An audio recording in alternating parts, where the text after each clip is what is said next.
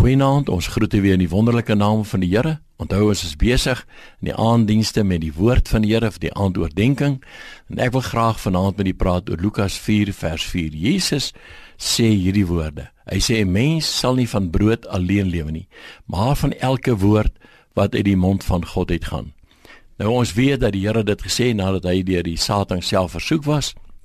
Het die Here hierdie gedagte gebruik en gesê dat ons wil van die woord alleen lewe. Nou ek dink ons grootste gevaar is gevoel. Ek hoor baie keer mense sê vir my: "Ag pastoor, ek voel nie om te bid nie." Of ek voel nie om om verskoning te vra nie.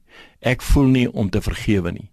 En ek dink dat wanneer 'n mens na die realiteit van omstandighede kyk, mag dit so wees dat 'n mens nie voel om te vergewe nie. Mag dit so wees dat 'n mens nie lus voel om iets te doen nie. Maar ek dink dis 'n gevaarlike ding om te vertrou op jou emosies. Want jy sien die woord van die Here sê, Jesus self sê, 'n mens sal nie van brood alleen lewe nie, maar van elke woord wat uit die mond van God uitgaan.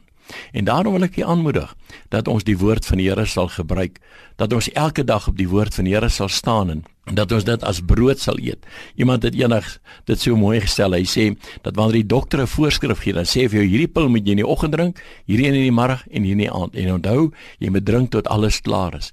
Nou as ek nou vanaand vir u kan sê, kom ons gebruik die woord van Here op dieselfde basis.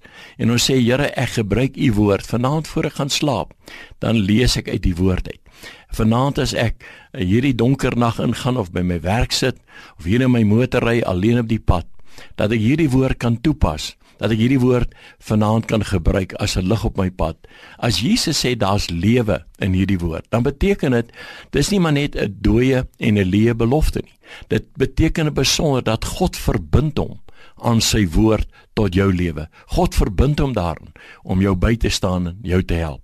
En daarom is my gebed vir jou dat jy 'n nuwe ontdekking sal maak en hierdie ware lewe sal ontdek. Vader, ons sê vir U baie dankie vir die woord van die Here. Baie dankie vir U lewe en die krag in die woord van die Here. Amen.